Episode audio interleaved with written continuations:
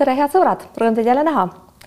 täna räägime juttu uue haridusministri Liina Kersnaga, kellega loomulikult tuleb juttu koolide sulgemisest, vaktsineerimisest ja kõigest, mis haridusvaldkonnaga seostub. tere tulemast, Liina Kersna. tere vaatasin uudistest värskelt, teie olete siiamaani rääkinud, et koole kinni ei pane, hoiame lahti nii kaua kui saame, aga sotsiaalminister Tanel Kiik ütles just välja, et pärast vaheaega üliõpilased ja gümnaasiumiõpilased väga tõenäoliselt lähevad distantsõppele. see on nüüd mingi siis normaalne kommunikatsioon või palun väga? me tõesti täna ju saime valitsuskomisjonis teadusnõukoja ettepanekud,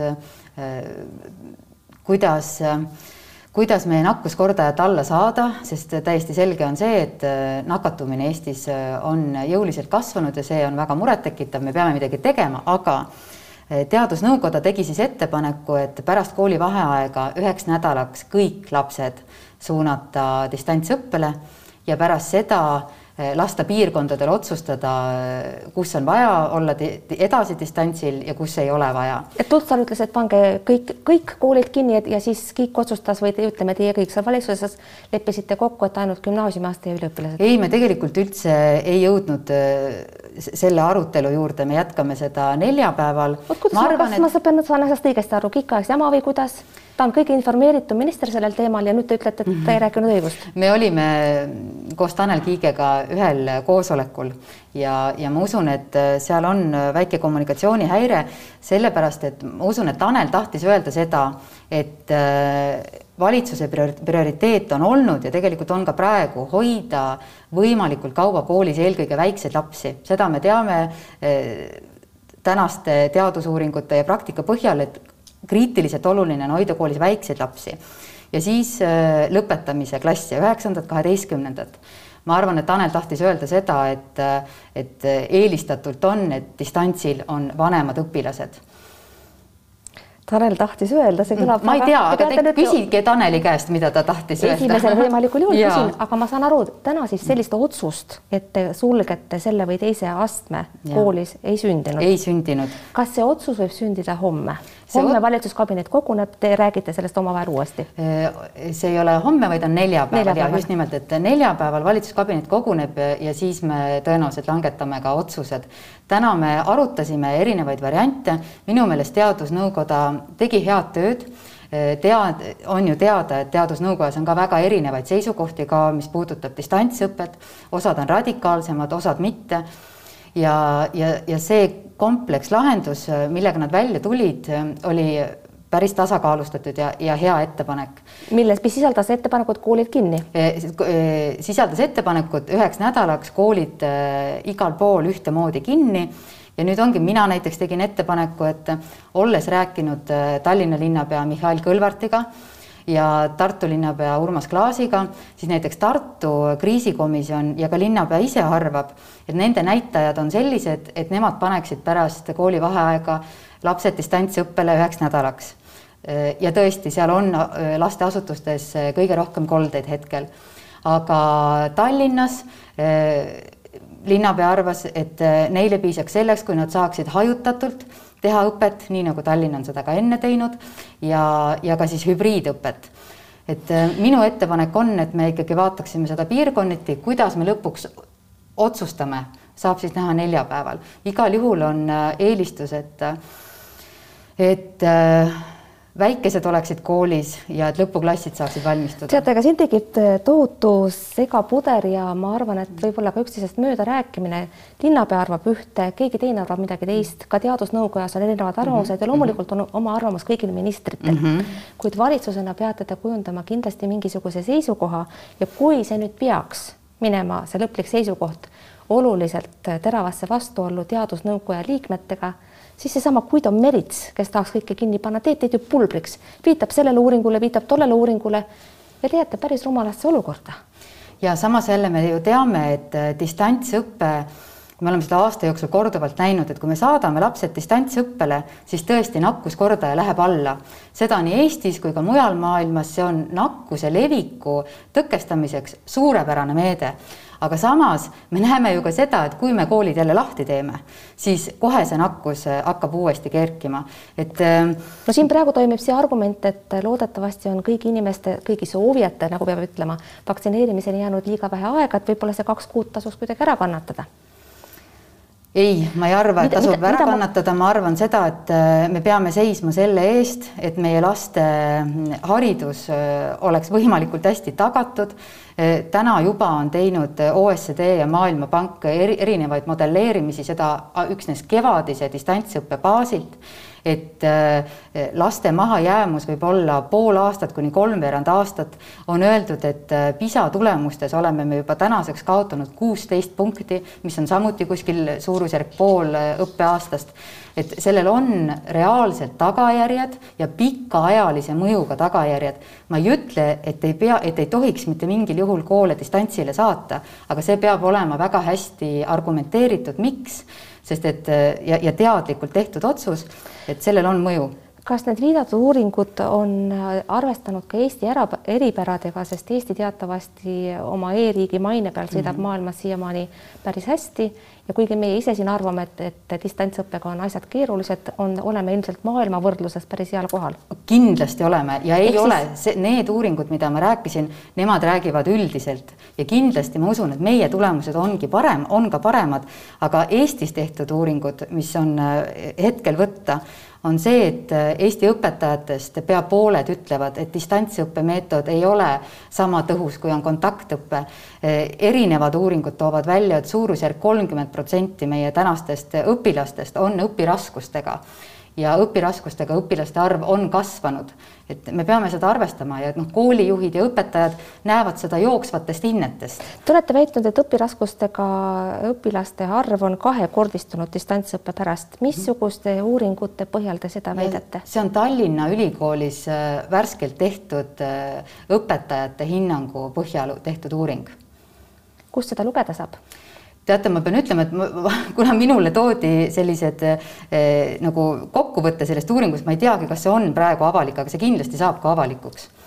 hästi, eh, kui meie jutt juba läks distantsõppe peale, siis eh, tundub mulle, et eh, aasta jooksul oleme me äkki liiga vähe õppinud distantsõppe kogemuste põhjal ja neist järeldusi teinud, sest tegelikult võiks ju mõelda ka nii, et nõnda nagu kaugtöö on tulnud, et jääda mm. -hmm see hambapasta vaevalt enam tuubi tagasi läheb mm. -hmm. võiks ka distantsõpe olla midagi säärast, mis ka pandeemia välimisel ajal jääb seda tavalist ehk kontaktõpet täiendama.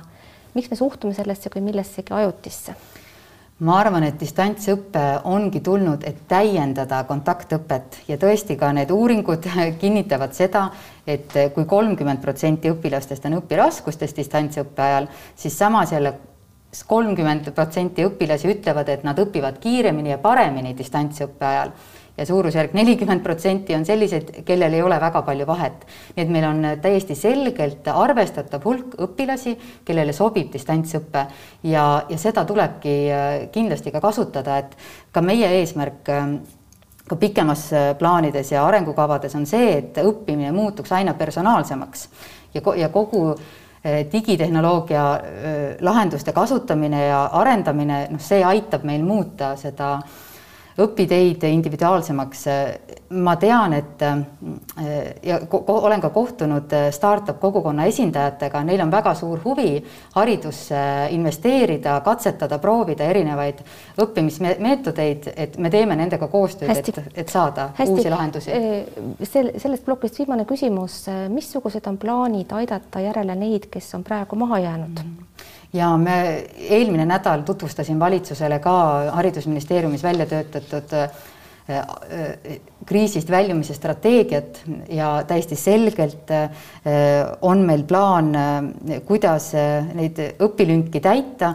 meil on välja töötatud erinevad Eh, temaatilised kursused, et kui, kui lapsel on eh, mõnes aines üks teema jäänud katmata, et kuidas, eh, kuidas teemapõhiselt neid kursuseid teha, on ka ainepõhiseid kursuseid võimalik võtta, et seal me koostöös koolidega nagu pakume erinevaid võimalusi, näiteks ka mis ka eelmine aasta juba toimus, kakskümmend kolm tuhat last oli õpi, suvel õpilaagris, kus oli meelelahutus ja õppimine omavahel.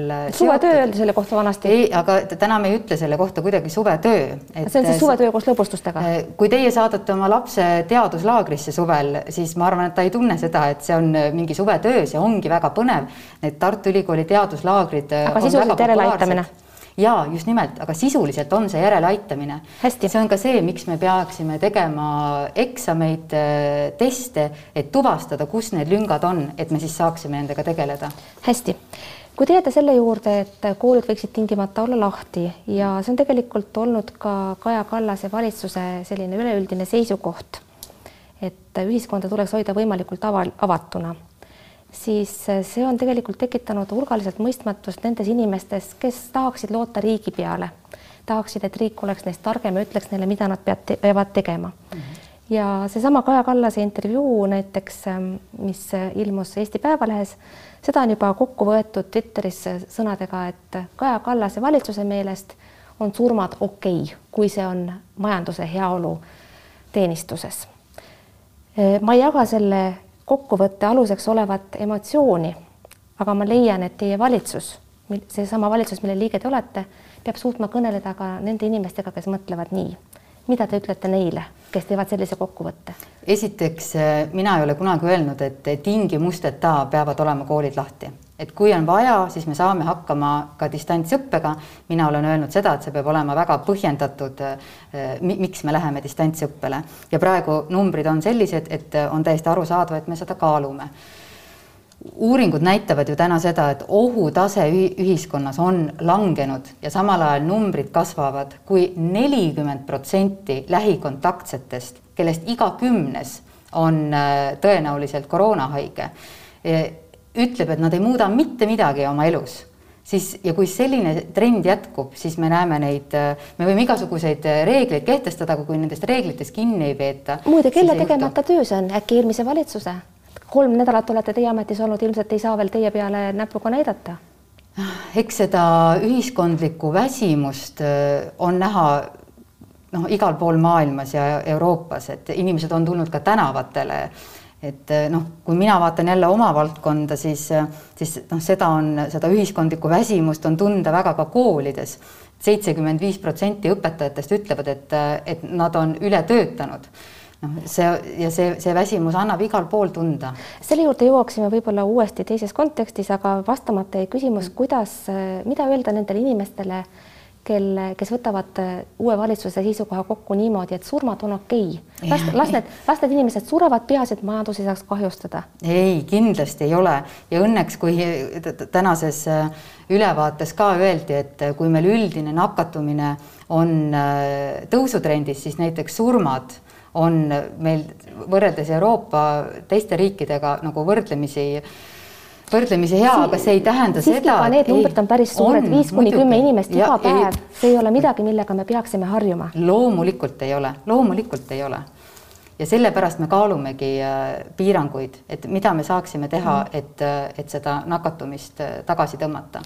võib juhtuda, et kui te ka praegu ei vali piiranguid siis näiteks seesama koolide sulgemine võib kõne alla tulla vahetult enne seda, kui hakatakse valmistuma lõpueksamiteks ja siis oleks nende mõju õpilaste lõpetamisvõimele ja haridusteele edasisele, edasise vaatele juba väga palju rängem, olete selle peale mõelnud? ja loomulikult, loomulikult ja ma olen võrdlemisi kindel, et me ei tule neljapäeval välja valitsuse kabineti istungilt, öeldes, et me ei teinud ühtegi piirangut. et selgelt numbrid näitavad seda, et, et on vaja astuda samme ja ma usun, et me need ka astume ja tõenäoliselt ka haridusvaldkonnas.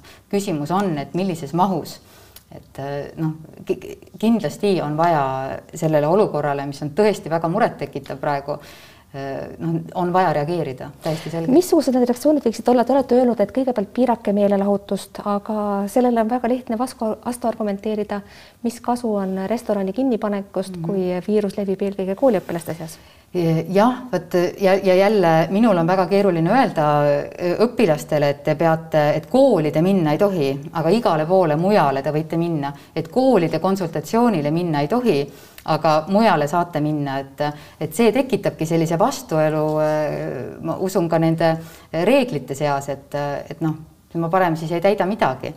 aga ma ikkagi usun, et kui ka koolid äh, lähevad distantsõppele, siis me saame seda teha paindlikult, nii et konsultatsioonid näiteks jäävad, et haridusliku erivajadusega lapsed saavad kooli minna. et äh, aga seda me kõike jah, tõesti arutame neljapäeval. Äh, mul on siiski tundub, et on tekkinud kriitiline hulk inimesi, kes noh, kes märkavad seda, et me oleme sattunud äh, kunagi Reformierakond lubas meid viia viie rikkama riigi hulka, aga nüüd oleme sattunud Euroopa viie kõige koroonasema riigi hulka. see ei ole teie süü, te olete olnud võimul alles nii vähe aega, kuid päris paljudele inimestele tundub, et te ei mõista, kui tõsine see on. Mm. et eh, mida öelda neile no olukord ongi väga tõsine, olukord ongi väga tõsine, sest äh, aga samas me näeme, et ühiskondlik ohut, ohutunnetus on samas nagu läinud alla, et need äh, kaks asja võiksid käia koos, et me aga näeme numbreid. kuidas neid korrelatsiooni viia, te viitasite ka mm -hmm. enne sellele, et inimesed ei täida reegleid mm, -hmm. see on fakt mm, -hmm. ma olen bussis ainuke, kes maski kannab mm. -hmm. mida sellega teha? Noh, jah, mina sellise endise kommunikatsiooniinimesena muidugi usun äh, rääkimise, rääkimisse ja selgitamisse, et mida rohkem sa inimestega räägid ja selgitad, seda, seda parem. Äh, no erinevad, äh, seda ei saa teha kindlasti üks minister või ainult valitsusliikmed aga kindlasti on siin ka sealsamas, Teadusnõukojal on oma roll ja nemad on ka seda väga tublilt ka täitnud, siis äh, te tervishoiutöötajatel kindlasti on oma roll, nii nagu vaktsineerimise puhulgi on neil väga oluline roll. aga see, et, et on ühiskondlik väsimus, noh, selles me tõesti erinevates valdkondades aga millest ta täpsemalt aru. väli, äh, selle väsimus seisneb, ma lugesin Postimehest Ken Konstabeli artiklit mm, -hmm Eh, mis argumenteeris päris veenvalt, et me ei ole väsinud mitte niivõrd piirangutest, mis Eestis ei ole ju pole olnud õieti neid. Pole ju kuigi mhm. laialdased, vaid pigem sellest, et viirus luurab igal pool, ei anna järele mm. -hmm. ja sellega seoses on tekkinud inimestel suur stress, pole teada, millal see olukord ükskord lõpeb. nii ongi, nii ongi, et selline pidev ebastabiilsus eh, tekitab inimestes stressi ja, ja, ja ka ikkagi selline mm, nagu turvatunde puudumine, et, et mulle tundub, et meil ongi ühiskond läinud praegu kaheks, et on inimesed, kes äh, väga pingsalt jälgivad reegleid ja, ja, ja tunnevad muret, kui näevad, et nagu teie ütlete, et bussis te olete ainukene ja see tekitabki ohutunde, mis asja, no miks, miks peaks niimoodi olema. ja siis on teine seltskond, noh, kes tuleb tänavatele, ütleb, et mitte mingisuguseid piiranguid ei ole vaja ja, ja maski ei, ei, ei pea kandma. et ähm, ja see ei ole mingi. ma vaatan Eesti... ikkagi valitsuse poole. ja see ei ole mingi Eesti äh, probleem, et see on üldine selle koroonaga kaasas käiv üldine ühiskondlik probleem erinevates riikides. hästi, peame, peame rääkima ka maskidest. ma ei ole täpselt aru saanud, kuidas on maski kandmise kohustusega koolides. mul on räägitud, et äh, mõnes koolis maski kandmist üleüldse ei nõutagi, sest kool ei olevat avalik ruum. minu teadmise kohaselt on, on koolis maski kandmine kohustuslik. kas ma olen asjadest valesti aru saanud? selleks, et teha seda seaduse järgi kohustuslikuks, peaksime me seadust muutma. haridusministeerium on saatnud koolidele juhise, kus on kirjas, et maski kandmine on soovitus, soovitatud, rangelt soovituslik. aga kuidas on võimalik, et vahetusjalanõud saab teha kohustuslikuks, koolivormi saab teha kohustuslikuks, aga ka maski ei ja, saa? aga kas see, et kui me, kui me teeme vahetusjalanõud kohustuslikuks, kas me siis sellele lapsele haridust ei anna, kes tuleb välisjalanõudega kooli? Ma olen oma laste pealt kogenud, et sellisel juhul tuleb neil käia päev otsa sokkis et äh, näiteks Tallinna linn on olnud siin minu meelest äh, hästi tubli, et nad äh, väga kiiresti võtsid vastu otsuse, et Tallinna koolides ja, ja, ja koolipidajal on ka see õigus, et Tallinna koolides peab kandma maske ja nad jagasid ka koolidele. kool saab teha maske. kohustuslikuks, aga teie ei saa no meie peame selleks seadust muutma, aga koolipidajal on õigus anda oma koolile juhiseid ja Tallinn on näidanud siin eeskuju. ma tean ka, Tartus on näiteks äh, koolides maskide kandmine laialdaselt levinud, aga täiesti selgelt on piirkondi, kus seda ei peeta oluliseks ja see on see on, teil on, ma olen teiega täiesti nõus, et äh, see on probleem, et ma isegi mõtlesin enne sinna tänasele istungile minekut, et, äh, et, et kas noh kas me peaksime avama selle arutelu uuesti, et, et selleks, et hoida koole lahti, kehtestada siiski ka see maski kandmise kohustus mingist east alates vähemalt. väga paljudes Euroopa riikides siiski on tehtud maski kandmise kohustus, isegi noh, Belgias lähevad viieaastased lapsed bussi peale äh, maskis ja, ja on koolis maskis, et, et selliseid praktikaid on et ma ei, ma selles mõttes äh, mida teha, pigem mida teha õpetajatega, kes äh, kannavad maski lõua all ja visiiri nagu nokamütsi, ma olen neid mm. pilte näinud hulgi mm.. no seda on kurb kuulda, sellepärast et õpetajad selgelt on ju eeskujud, et äh, mina ei ole selliseid pilte näinud. et jah, igal juhul Mina oleks olen... tark, oleks tark kanda maski loomulikult. muide, mis puutub veel õpetajatesse kui eeskujusse, siis äh, te olete öelnud et, et kuuskümmend protsenti õpetajaid on vaktsineerimisega nõus, täpsemini siis viiskümmend seitse, nagu rehkendas Postimees Te esitasite seda kui edulugu, kuid minu meelest on tegemist katastroofiga. kuuskümmend protsenti on selgelt liiga vähe, arvestades seda, et õpetajad peaksid olema just see kõige edumeelsem seltskond. ja mina ka usun õpetajatesse ja usun jätkuvalt, et see protsent kasvab. see, need nimekirjad, mis meil täna on olemas, need on tõesti kuuskümmend protsenti eh, nendest õpetajatest, keda me olime, planeerisime siis eh, vaktsineerida ja need nimekirjad täienevad pidevalt et eh, ma usun, et kui see vaktsineerimine ja vaktsineerimise hoog saab sisse, siis inimesed saavad äh, ennast veel lisada sinna. aga vene koolide statistika vist on jõudnud, seda te ei taha üldse avalikustada? jah, ma tean, et need on väga suur erinevus, on eestikeelsetel koolidel ja venekeelsetel koolidel. mida te olete olen... ette võtnud, et see muutuks? ja eile just arutasin ka seda oma kolleegidega, et täiesti selgelt peab tegema suunatud kommunikatsiooni venekeelsete venekeelsete koolide õpetajatele, püüame saada seal äh, ka venekeelseid äh, meditsiinitöötajaid äh, tegema selgitustööd. kindlasti on vaja sellega spetsiifiliselt tegeleda. ma saan aru, et õpetajad saavad AstraZenecat, sellepärast et nendele jäi seda kuidagi üle, seda AstraZenecat, mida, kuna seda ei tohtinud vanemaealistele seitsekümmend pluss anda ja, ja nemad saavad seda, kuid AstraZeneca protsent, kaitseprotsent on ka kuskil kuuekümne lähedal, kuue seitsmekümne vahel eriallikate seisukohalt järgi see on tegelikult ju siis täiesti arusaadav, et nad on suhteliselt kahtleval seisukohal, see ei olegi ju kõige populaarsem ega kõige kindlam vaktsiin üleüldse. ma siiski ei ütleks, et, et see protsent on kuidagi selles mõttes väga halb, et nagu tervishoiutöötajate seas, kus ootaks nagu väga kõrget protsenti, on see protsent praktiliselt sama. ei, aga ma, miks et, just õpetajad saavad seda AstraZenecat, mille suhtes on kahtlusi kõige rohkem? Kui me arutasime sellel teemal, esiteks mina ei ole selle valdkonna spetsialist ja ma ei, ja ka autoriteet ei tahaks võtta sellel teemal väga sõna, aga mina mäletan väga hästi, et see AstraZeneca just näiteks nooremate inimeste puhul oli efektiivsem eh, kui teised. saate viidata? Allikale? ja teadusnõukoja, kui me arutasime seda, et kas äh, tuua eesliini töötajaid ettepoole, siis oli jutt sellest, et, et see konkreetne vaktsiin just noorte peal toimib hästi. hästi, ma vaatasin Twitteris, kuidas reageerivad õpetajad ja neil on praegu selline arusaam, et põhimõtteliselt umbes kakskümmend neli seitse peab olema valmis, et äkki helistatakse näiteks lasteaiaõpetajatele, kõne tuleb, jätad lapsed sinnapaika, jooksed vaktsineerima. miks mm. ei ole korralikku kava kuskil, et ma teaksin, millal minu kord tuleb? no mul oleks väga hea meel, kui te esitaksite selle küsimuse Sotsiaalministeeriumile, kes vastutab äh, vaktsineerimise korralduse eest, sealhulgas ka haridustöötajate vaktsineerimise eest. Äh, me kindlasti äh, arutame seda teemat ka neljapäeval, selge on see, et vaktsineerimise tempo ei rahulda, see peaks olema kiirem ja noh, täna kõlas valitsuse istungil ka ütlemine, et noh, selle koolivaheaja ajal võiks põhimõtteliselt kõik õpetajad ära vaktsineerida, aga see on alles esimene doos, eks see ei tähenda veel, et et see hakkaks kohe ka mõjuma, aga noh, põhimõtteliselt, et, et õpetajate vaktsineerimine võiks olla oluliselt kiirem ja ma usun, et see on käimalükkamise raskused, ma väga loodan, et järgmiseks nädalaks on see süsteem juba Sotsiaalministeeriumil paremini välja töötatud. hästi, meil on jäänud äh, kõigest üks minut, kas mm. pooldate eliitvaktsineerimist, see on olnud ühiskonnas debattide teemaks, on, on oldud nii poolt kui ka vastu? ma arvan, et sellised äh, otsused peab tegema vaktsineerimise juhtkomisjon, et seda ei peaks küsin, tegema poliitiliselt. ei, aga ma küsin teie arvamust, et kas teie meelest, kui näiteks Liina Kersna laseks ennast siin stuudios süstida, kas sellest oleks kasu?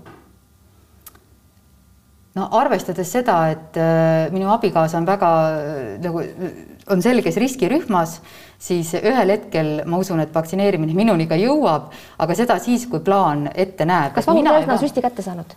ei ole, tänan küsimast hästi. Liina Kersna, suur tänu, et tulite stuudiosse, siin peame täna lõpetama. suur tänu teile, aitäh teile ka, et te vaatasite, vaadake teinekord ikka jälle, elage vahepeal hästi. Kuulmiseni, nägemiseni.